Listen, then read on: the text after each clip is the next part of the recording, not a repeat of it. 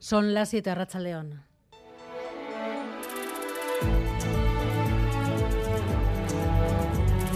Gambara con Arancha García.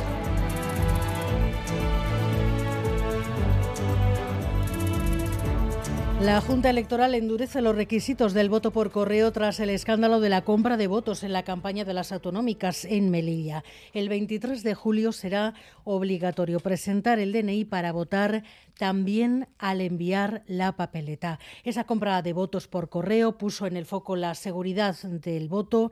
En julio se prevé que ese voto pueda ser masivo y ahora la Junta decide adelantarse. Isaro Bazarracha León.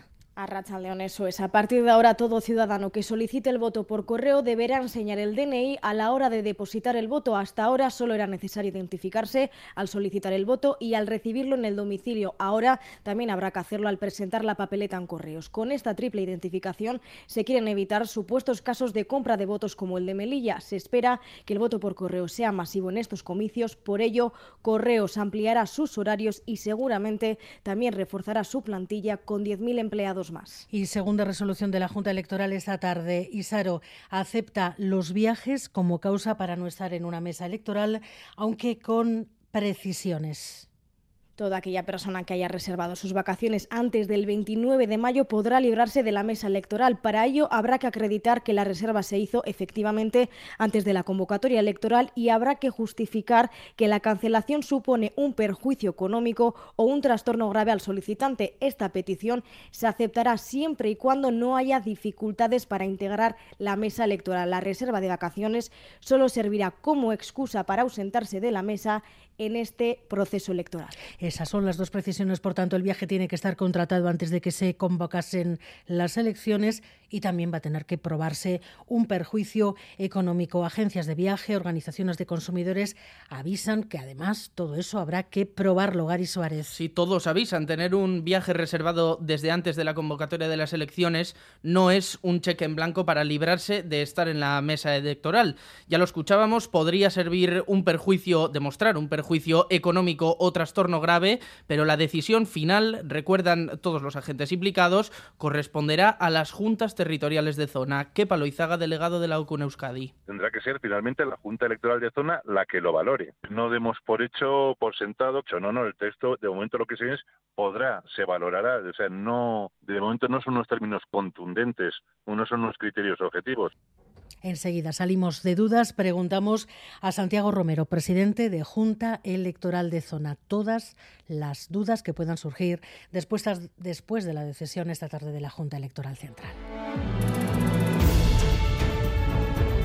Y la negociación entre Podemos y Sumar está capitalizando la atención de esta fase de la precampaña. Quedan poco más de 24 horas de plazo y Podemos pide manos libres a sus bases para negociar. Como bien sabéis, las negociaciones no están siendo sencillas y por eso quiero pedirte tu apoyo para que sea el Consejo de Coordinación de Podemos quien negocie y, en su caso, alcance el acuerdo electoral de unidad con Sumar. Esto permitiría a la dirección de Podemos agotar el tiempo de la negociación. Si hay acuerdo, no tendría que someterlo a la militancia. Y si no lo hay, a esta hora, cosa poco probable, tampoco tendrían que rendir cuentas a los líderes territoriales que están apremiando para que se dé el sí a Yolanda Díaz. La votación estará abierta hasta mañana por la mañana mientras el foco está puesto en las negociaciones de la izquierda que quieren liderar Yolanda Díaz en paralelo. RC y H. Avanzan en su unidad de acción. Van a presentarse en coalición al Senado. Y en una hora estará aquí en Gambara el presidente de UPN, Javier Esparza. Esta mañana se ha reunido con María Chivite. No tiene opción en el gobierno, pero reclama al PSN que no deje que H. Participe en la gobernabilidad. Navarra no debe depender de la izquierda berchale. Creemos que es perjudicial para la convivencia y para la prosperidad y el futuro de esta tierra. Para Navarra es malo que H. Bildu siga creciendo. la orden de un mando de extranjería en Irún para dar días libres a cambio de detenciones no es nada distinto de lo que ocurre al otro lado de la muga. Los testimonios de los migrantes, de los policías de frontera franceses lo confirman. En cuanto no rellenábamos cinco formularios de arresto, nos llegaba una llamada de los jefes. Esto es lo que dice. plus de cinq papiers comme ça, qu'on n'avait pas du coup arrêté cinq personnes. Le lendemain, on avait un coup de téléphone de la hiérarchie qui nous disait comment ça se fait que vous n'avez pas arrêté tant de migrants. Quoi.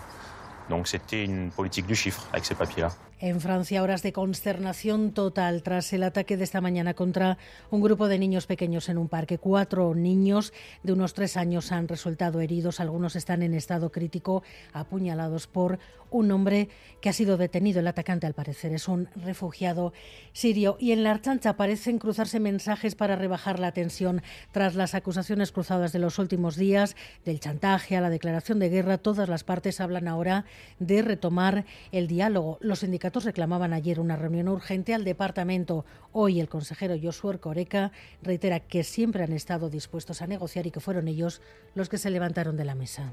El Gobierno sigue en la misma disposición, sigue dispuesto a reunirse, los materiales siguen encima de la mesa, eh, las cuestiones planteadas, semiacordadas e incluso acordadas antes de que decidieran levantarse de la mesa continúan sobre la mesa, por tanto no es el Gobierno el que tiene que volver a la mesa, el Gobierno nunca se ha levantado de la mesa. Y en un rato, derby, Edu García, Rachaldeón. ¿Qué tal, Rachaldeón? A partir de las 9, Mendizorroza, partidazo por el ascenso a la primera división. Juegan Deportivo Alavés y Eibar en la primera eliminatoria por ese ascenso a la máxima categoría. Es el partido de vuelta. En la ida empate a uno en Ipurúa el pasado fin de semana. Así que de salida la ventaja es ligera para el equipo local, para el Deportivo Alavés, en caso de empate a los 90 minutos y de empate después de la prórroga no habrá penaltis y por haber quedado mejor clasificado en la temporada regular eh, pasaría de ronda, no ascendería, ojalá, pasaría de ronda el conjunto alvezo. Lo contaremos aquí en Quirol Festa y en ciclismo un par de nombres propios. Jonas Vingegaard, por ejemplo, que se ha exhibido bien en el criterio un Dauphiné, ha ganado la quinta etapa en solitario y ya es el líder de la carrera. Hugo Aznar, el navarro del finisher, que ha ganado la primera etapa de la Vuelta a Navarra y obviamente la noticia triste del día, estamos todavía consternados y de luto por la muerte de Chomin Perurena, el ciclista vasco más laureado de la historia, más de 150 victorias, entre ellas 12 etapas de la vuelta, un maillot de la montaña del Tour en el año 74 y que hoy a los 79 años nos ha dejado pues con el corazón encogido, un colaborador además de esta casa durante muchos años y una figura destacadísima de nuestro deporte.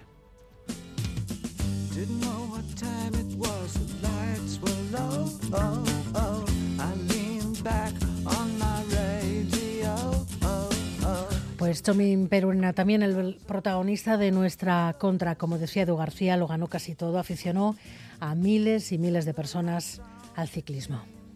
Bueno, lau etapa, e, seis ziren, e, bost ziren errepidean eta bestea erlojun kontra, baina bosgarrena hori eskutan egin nuen, baina nire laguntza beharrezkoa zen, e, Miguel Marilasak itzuli irabazteko, bonifikazioa hartzeko, eta orduan, ba, e, duari gabe, oso gogoz e, laguntza hori eman egoen, eta bonifikazio horren eskerraz ba, itzule irabazi zuen, eta orduan ba, taldea guztientzako izan zen. Ba, bueno, una de las eh, grandes eh, momentos, uno de los momentos en los que Chomin Perurena contaba cómo podía ganar casi todo en el, en el ciclismo. Goyan Bego.